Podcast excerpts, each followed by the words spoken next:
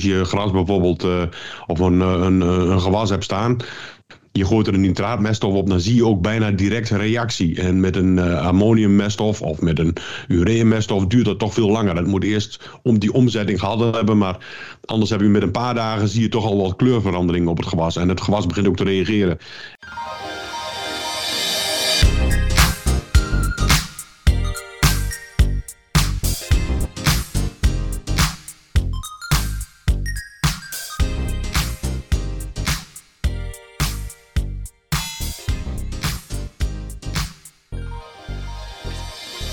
Welkom bij de Jara Podcast.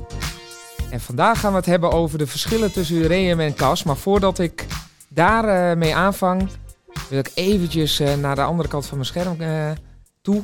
Naar Theo en Pieter. Zijn jullie al een beetje in de voorjaarstemming, heren? Hey, dag Martin. Goedemorgen. Goedemorgen. Goedemorgen het, het weer uh, leent zich nog niet echt om in de voorjaarstemming te geraken. Hè. Het is toch uh, nog altijd kil. Hè. Morgen of deze nacht geven ze hier in Vlaanderen zelf uh, kans op wat sneeuwval. Dus ja, blijkt nog, nog altijd winters te zijn. Morgen lekker het hondje uitgeladen in de hagel. Dus, was, erg, dus erg, erg voorjaarsgevoel hebben we nog niet.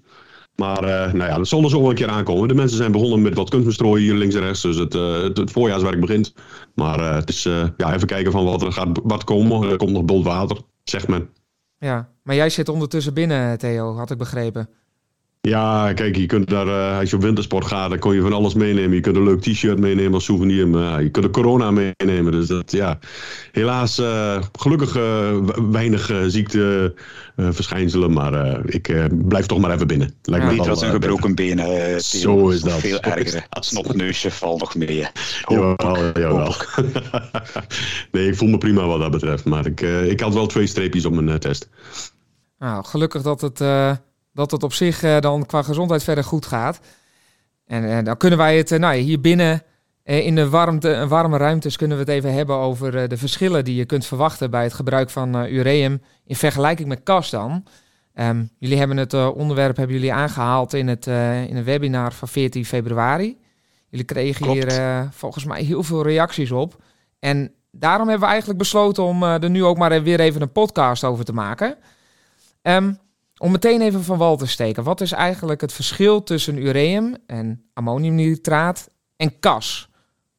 het, is, het is de vorm van, uh, van stikstof. Dus um, ammoniumnitraat, de naam zegt het zelf. De helft van dat product is ongeveer ammonium, de andere helft is nitraat. Dus uh, nitraat van zodra het in het bodemvocht uh, opgelost is, en dat gaat heel snel, uh, is, het, is het vlot plantopneembaar. ammonium moet je wel zien als een spaarpotje, zeg ik altijd, van de stikstof. Dus die moet eerst omgezet worden naar nitraat, vooraleer vlot plantopneembaar te zijn planten zullen een deeltje ammonium opnemen. Hè. Gaat, is gebonden aan het kleihumuscomplex, maar het meeste is groot grote meerderheid is toch wel nitraten die opgenomen wordt. Als we dan even gaan kijken naar ureum. Dus ureum moet eerst helemaal omgezet worden naar ammonium. Uh, en dan nog eens helemaal omgezet worden naar nitraat voor leer plantopneembaar te zijn. Dus het is eigenlijk een meststof die veel langzamer uh, plantbeschikbaar uh, stikstof gaat aanleveren aan de planten. Ehm, dus ja, wij van Yara wij produceren zowel ureum als kas, ammoniumnitraat. Dus op zich maakt het niet uit uh, wat we verkopen, maar we vinden het toch wel belangrijk om de boodschap, de kenmerken van de verschillende uh, meststoffen uh, in de markt duidelijk te maken. Hè. Ehm, ureum is ook wel belangrijk om te zeggen, zie heel veel producten in de markt die exportgerelateerd zijn, dus die eigenlijk van ja, verre landen komen waar die kwaliteit toch ook wel vaak wat wisselvalliger is. Dus je weet niet altijd met ureum welke kwaliteit je in huis haalt. Plus ook als je ureum strooit, zoals ik net zei, meststof die trager vrijkomt, je weet ook nooit exact wanneer het plant beschikbaar komt. Het kan te vroeg zijn, het kan te laat zijn. Dus het is, het is altijd een lastige met ureum werken op dat vlak ook. Belangrijke aanvulling vind ik dat nitraten uh, echt mobiel zijn in de bodem. Uh, de, de, in principe moet een, wortel uh, moet het, moet, tegenkomen. Maar doordat het mobiel is en met het bodemvocht verplaatst kan worden, ja, wordt het ook vrij vlot opgenomen. En dan zie je dat dus ook in het gras. Als je gras bijvoorbeeld of een, een, een gewas hebt staan, je gooit er een nitraatmeststof op, dan zie je ook bijna direct reactie. En met een uh, ammoniummeststof of met een ureameststof duurt dat toch veel langer. Dat moet eerst om die omzetting gehad hebben, maar anders heb je met een paar dagen zie je toch al wat kleurverandering op het gewas. En het gewas begint ook te reageren. En als ik uh, in mijn tuintje kijk, dan zie ik toch ook het gezond is toch ook al wakker geworden. Uh, de, de gewassen die nu op het veld staan, en met name het gras, is ook wakker. Dus op het moment dat je daar een, uh, een, een, meststof op gooit, en er is nu heel veel mest uitgereden, dus uh, daar komt al snel werkende uh, stikstof komt eruit vrij. Maar wil je ook het spul aan de gang hebben, en dat nou ja, met, nu met 14 dagen, dan zal het, het kunstmestseizoen voor het grasland zeker losbreken. Dan heb je ook direct die reactie. Je ziet met een paar dagen zie je dus ook duidelijk reactie van het gewas. Dat is een, een groot verschil. Helder. En jullie hadden het zo net over het ammoniakverlies bij het gebruik van ureum. Hoe, groot zijn die verliezen? Dat kan enorm wisselen. Officiële cijfers, hè, volgens het uh, Europees Milieuagentschap, heb je bij het gebruik van urea gemiddeld 19,9, dus laten we zeggen 20% ammoniakverlies. Dus dat is eigenlijk stikstof die je gekocht hebt, waarvan je al gemiddeld 20% verliest onder de vorm van een gas. Dus dat is stikstof die je duur gekocht hebt en die ook op je, op je uh, nitraatbalans staat, op je stikstofbalans staat. Dus uh, ook, ook, we weten dat, die beperk, dat er heel veel beperkingen zijn op vlak van uh, stikstofgift. Dus als je al 20% uh, verlies hebt daarvan, is dat toch ook al heel belangrijk om rekening mee te houden. er zijn omstandigheden waardoor die verliezen wat minder kunnen zijn of wat meer kunnen uh, zijn. Verliezen uh, die de ammoniakvervluchting kunnen luchtruimte. Uh, het niet inwerken uh, van de ureum gaat ook zeker zorgen voor, voor extra verliezen. Hè. Er, zijn, er zijn zelfs cijfers bekend onder hele extreme omstandigheden van boven de 45% ammoniakverlies. Ja. En waar, waar ontstaat de ammoniakverlies precies bij het gebruik van ureum? Is eigenlijk in die omzetting van ureum naar ammonium. Hè. Dat noemen we het hydrolyseproces. En in dat proces heb je die uh, verliezen. Ook belangrijk om te zeggen, bij het gebruik van kas heb je ook wat ammoniak verliezen, maar die zijn echt heel beperkt. Daar spreken we niet van 20%, maar spreken we eerder van ja, 2,5%. Dus echt uh, een wezenlijk groot verschil. Ja. Ja, het zijn ook op momenten dat ureum wel goed past. Uh, heb je, ben je heel vroeg in het voorjaar onder koude, natte omstandigheden dan zou je met een urea-meststof best wel aardige resultaten kunnen halen. Alleen dan heb je wel een aantal dingen die je tegen hebt. Uh, is, je weet niet hoe het seizoen gaat. Kijk, ga je dichter op het seizoen, dan weet je al wat voor weer er geweest is. En hoe het eruit je gokken met je, met je meststof. Dat is een mogelijkheid. En je hebt ook veel meer kans op insporing. Uh, omdat je toch duidelijk vroeger het veld op moet. En uh, ja, het, het, het, komt ook nog een heel gedeelte met verdeling en met wind en met dergelijke. Is zo'n urea-meststof die een stuk lichter is, is ook een stuk lastiger. Dus dat zijn dingen die ook nog weer meespelen. Dus hoe dichter je op het seizoen zit, uh, weet je ook waar je mee bezig bent. En net wat Pieter net ook zei, het blijft een beetje gokken. Wanneer komt die vrij? Wat gaat die bodemtemperatuur doen? Die moet nog komen als je met urea-meststof aan de gang wil. Dus dat zijn ja, wat, wat, wat nadelen. Oké, oké. Nou zijn jullie de specialisten. Maar als ik het uh, nou goed heb, dan zijn er toch ook remmers, of worden er ook remmers ingezet om de verliezen van uw reem te beperken? Klopt, ja, klopt. Ja. Er, zijn, er zijn meerdere remmers. En remmers zijn uh, uh, op zich best, best aardige hulpmiddelen die de ammoniakvervluchtiging halveren. Dus laat maar zeggen, gemiddeld die, die 20% die Pieter net aangaf.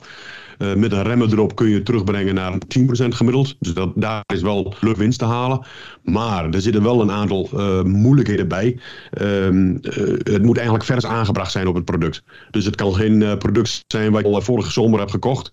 En wat je nu in het voorjaar gaat gebruiken. Ja, dat, daar heb je heel veel verliezen van die remmers. Dus dan ga je eigenlijk naar een product wat helemaal geen remmer heeft. En dan ga je weer die 20% en zelfs naar die 40, 45% onder slechte omstandigheden. Dus daar loop je een beetje tegenaan.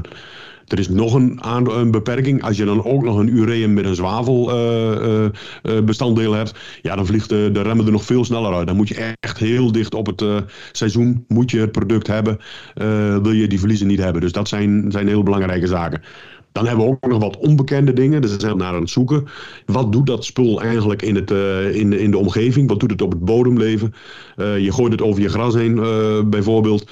koeien nemen het op. ja, we weten het niet. Daar zijn nog echt onderzoeken naar. Er zijn dan wel al wel, wat dingetjes naar gedaan, maar daar is nog geen zekerheid over.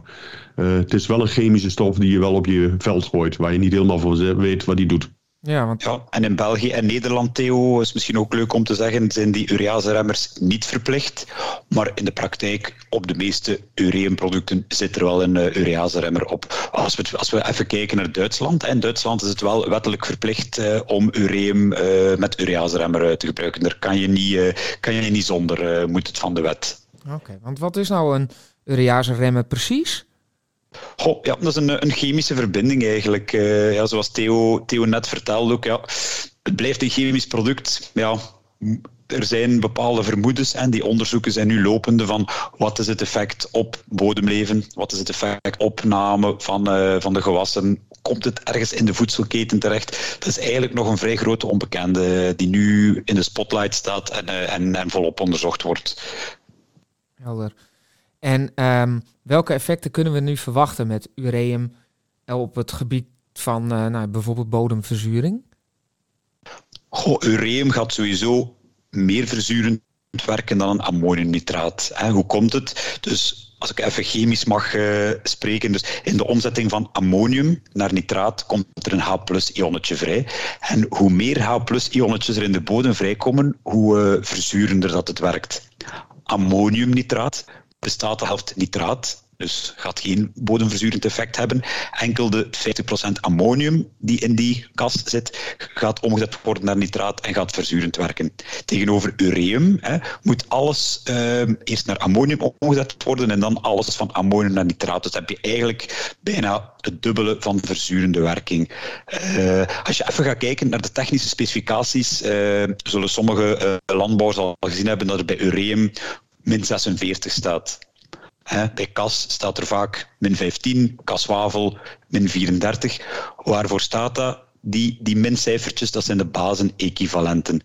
Dus als we kijken, ureum min 46 wil eigenlijk zeggen, als je 100 kilogram ureum op je veld uh, toepast, moet je eigenlijk 46 kilogram calciumoxide gaan toepassen om geen pH-verlagend effect uh, te hebben op je bodem. Uh, dus bij, bij kas is het minder, is er ook een verzuring, maar is een stuk minder. Uh, er zijn ook meststoffen waar er een basenequivalent van plus is. Wil zeggen dat de bodem-pH gaat, uh, gaat stijgen als je die, die gaat toepassen. Kijk. Dus extra, extra kosten om alles weer te compenseren. Je, dus je verzuring van je bodem moet je dus ook weer extra kalk rekenen om je pH op niveau te houden. Dus een voordeel wat men dan wel eens geeft richting een ureumeststof, uh, moet je dit toch wel duidelijk meenemen als, als uh, een, een kostenpost. En je ziet ook als er meer zwavel in zit, dus meststoffen met meer zwavel, werken ook duidelijk meer verzurend. Dan zie je dus ook dat er meer uh, kalk tegenaan gezet moet ja. worden. En inderdaad heel belangrijk om de pH van je, uh, van je akker uh, op peil te houden. Hè. De opna het opnamepotentieel van alle andere gewassen, uh, van alle andere uh, voedingselementen is gerelateerd aan de pH. Zit de pH te hoog, zit de pH te laag, krijg je opnameproblemen. Dus echt, echt heel belangrijk om dat in de gaten te houden. Ja, nou, dan gaan we van de natuurkunde even naar de praktijk. Um, is er een verschil in het strooibeeld als we kijken naar kas en ureum? Absoluut. Het is uh, met ureameststoffen die een stuk lichter zijn, met een, uh, een massa van 0,75. Uh, ook nog wat onregelmatige korrels, zijn heel windgevoelig. Als je kijkt naar het strooibeeld, dan zie je dat die bijvoorbeeld een, een soort trapezium maakt, dus een, een stukje vlak, en dan gaat het heel snel naar beneden. Dus je kunt je strooibeeld is ook veel dichter naast je strooier, is ook veel windgevoeliger. Uh, zware meststoffen hebben het grote voordeel dat die bolletjes zijn veel zwaarder. Als je ons webinar gezien hebt, dan zie je dat mooi met dat uh, zware bolletje en dat piepschuimenbolletje. Daar zit gewoon een groot verschil in. Uh, je ziet gewoon dat je wiskundig, ik ben niet zo'n hele ster wiskunde, maar mooi met zo'n driehoekig uh, strooibeeld van, een, van een kas of een kaswavel kun je heel mooi vlak strooien. En dan krijg je dus ook veel minder variatie in je strooibeeld. Daar maar een 6%, terwijl je met een 21 of, of zoiets gaat. Dus echt grote verschillen, strooibanen, dus je moet dichter op elkaar rijden en dan is het nog lastig om alles op de goede plek te krijgen. Nou, dat is, dat zijn, dat is een, een belangrijk verschil in strooibeeld. En ook naar windgevoeligheid. Hè. Het is logisch, een, een die, die lichter is, minste zuchtje wind dat er is, gaat die meststof uh, van koers veranderen, gaat er uh, veel meststof op een bepaalde plek terechtkomen en op een andere plek bijna geen. Uh, kan je een beetje vergelijken met een, uh, met een storm en als je over de autosnelweg rijdt, als je met een, uh, een klein licht autootje overrijdt of je rijdt er met een zware Mercedes, BMW over, ik denk dat je met die zware auto veel minder de wind zal voelen. Dus, dus met die meststof net hetzelfde. Ah, daarom rij jij nog BMW, Pieter. ja, de fiscaliteit in België is net iets beter dan in Nederland. Vlak van wagens. Ik dacht dat jullie meer vinden.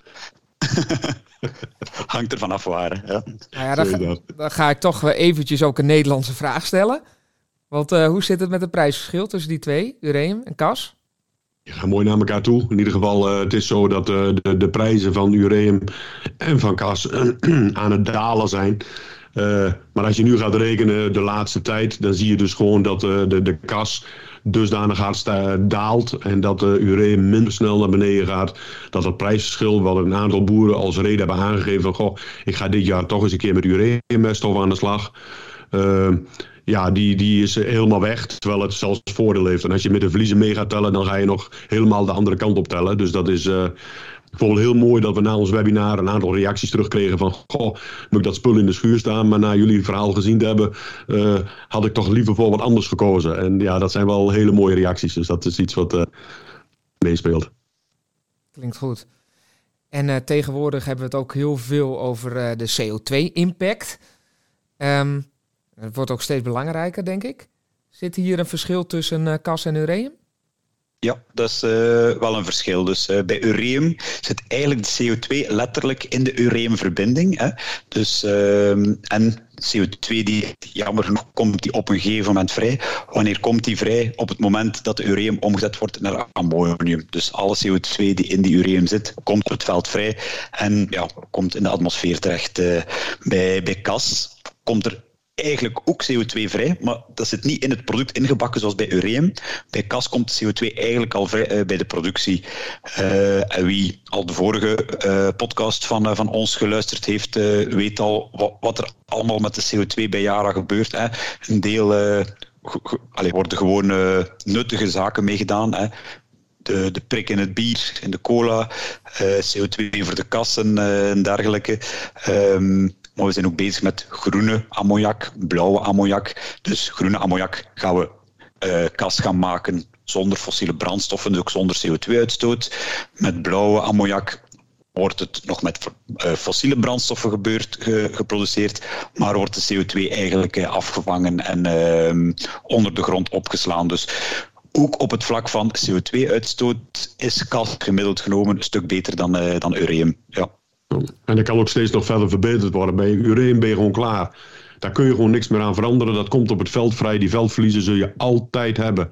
Wat je ook doet. En bij, uh, net wat uh, Pieter ook vertelt, je kunt gewoon tijdens de fabrikage of tijdens het productieproces en met groene ammoniak te produceren, kun je dat duidelijk naar beneden krijgen. Dus dan kun je het eigenlijk zonder CO2 uiteindelijk. Dat is de bedoeling. Nou wordt ureum vaak vloeibaar op het veld gedoseerd. Um, nou, we hadden het er al eventjes over, maar waar moeten we dan rekening mee houden om die verliezen zo, ook zoveel mogelijk beperkt te houden? Praktisch? Nou ja, je hebt, je hebt in ieder geval één voordeel met, met, met uh, vloeibaar, is dat je de perceelsgrenzen over het algemeen heel scherp kunt aansnijden. Dat is wel een voordeel. Dat wordt ook meestal gebruikt als, als, als reden om vloeibaar te gaan gebruiken. Uh, vloeibaar is ook vaak, de, als de loonwerker het uh, bemesten overneemt, die houdt van vloeibaar, want die heeft een spuit voor gewasbeschermingsmiddelen staan. En die pakt dat zo mee. Kan die die machine nog eens een keer de, de schuur uittrekken. Groot probleem is wel vaak bij loonwerkers is dat ja, het moment van bespuiten is vrij specifiek. En dat ze dan op het juiste moment op de juiste plaats zijn, is vrij lastig. Gedeeld is te vroeg, gedeeld is op tijd, gedeeld is te laat. Daar zit je wel mee. Uh, je hebt een aantal uh, risico's met, uh, met vloeibaar. je moet grote opslagtanks hebben. Kijk, als je met big bags of met korreltjes kun je silo's stapelen. Met big bags kun je heel mooie soorten. En ook verschillende soorten kun je neerzetten. Dus je kun je schuurtje voltasten met tien soorten, terwijl je met vloeibaar meestal maar met één of twee soorten aan de slag moet. Vaak is het zo dat vloeibaar is een chemisch proces varieert nog wel eens in, in samenstelling. ook in, uit, uit luchtwassers en dergelijke komen vloeibare producten. Dat is ook nog een nadeel. Zit vaak geen calcium in. Er zijn er maar weinig die echt calcium bevatten. we hebben er zelf wel eentje die, waar het ook in zit. Maar dat zijn er maar weinig. Ehm, het is hoofdzakelijk ureum, dus ook weer met die ammoniakverliezen die we net al uitgebreid besproken hebben. Let op met nachtvorst, let op met felle zon, bladverbranding, andere problemen. Ehm, korrel werkt al heel vroeg. Bij dauw werkt hij al met, met één of twee nachten dauw. Wordt hij al opgenomen in het bodemvocht. Dan wordt wel eens gezegd van ja, ik, het is vrij droog, dus ik ga maar over op vloeibaar, want dat is al opgelost. Ja, dat is wel opgelost, maar dan heb je wel heel veel ammoniakverliezen. Dus dan vliegt het de lucht in met een korreltje. En dan kom ik weer met mijn standaard verhaal. Denk je, ik heb mijn korreltje erop liggen en hij doet het nog niet. Uh, pak hem in de hand, steek hem in je mond. Na uh, een week, 14 dagen. Kijk wat er gebeurt. Als je hem uitspuugt, dan is hij nog, uh, zit er nog wat in. Denk je van, hé, hey, dat smaakt naar kalk. Perfect. Dan is de voedingsstof zit al in de bodem. En via het blad is de opname vrij gering. Dus meest gaat via de bodem. Dus korrel die gaat sowieso niet via het blad. Dus via de bodem gaat het dan eigenlijk het beste. Dus dat zijn een hele rits aan belangrijke voor- en nadelen. Uh, nadelen zijn wat meer dan de voordelen. Uh, maar in ieder geval, dat zijn de punten waar wij naar kijken als we over vloeibaar praten. Interessant. Um, nou zijn we al ruim 20 minuten over de verschillen tussen ureum en kas aan het praten met elkaar. Ik zou dus ook luisteren. Kort, denk ik, hè? Ja, nou ja, het is ook een interessant onderwerp natuurlijk. Dus wat dat betreft. Absoluut. Maar ik, ik zou dan ook de luisteraars toch ook even willen verwijzen naar de, de webinar. Die is nog uh, uh, opnieuw te bekijken. Uh, online. Ja, dus ga er ook zeker. Van Jara. Ja, ga er ook zeker even naartoe. Want dan gaan Theo en Pieter nog wat dieper op de materie in. En dan wordt het ook heel tastbaar en heel beeldend gebracht. Um, heren, ik, uh, ik, ik denk dat ik dan ga afsluiten. En dan wilde ik jullie in ieder geval uh, een hele goede uh, voorjaarsperiode toewensen. En dan spreken we elkaar de volgende keer weer. Um, ja, en dan wil ik de luisteraars nog even wijzen op het feit dat, dat Jara een hele mooie nieuwsbrief heeft. Van alles en nog wat passend op het tijd van het jaar vertelt over kunstmestgebruik en, en bemesting. dus ga, ga daar ook zeker je voor aanmelden. Uh, kijk ook even op Instagram. Uh, of abonneer je eventjes op onze, um, op onze podcast. Waar we in ieder geval twee keer per maand wel eventjes dieper op de materie ingaan. Dus uh, abonneer je daarop. nou, en vraag anders ook even naar je adviseur als je specifieke vragen hebt over, over bemesting en de producten van Yara. Dan tot de volgende Super. keer. Ja. Helemaal goed. Tot de volgende keer. Tot de volgende keer. Oké, mooi.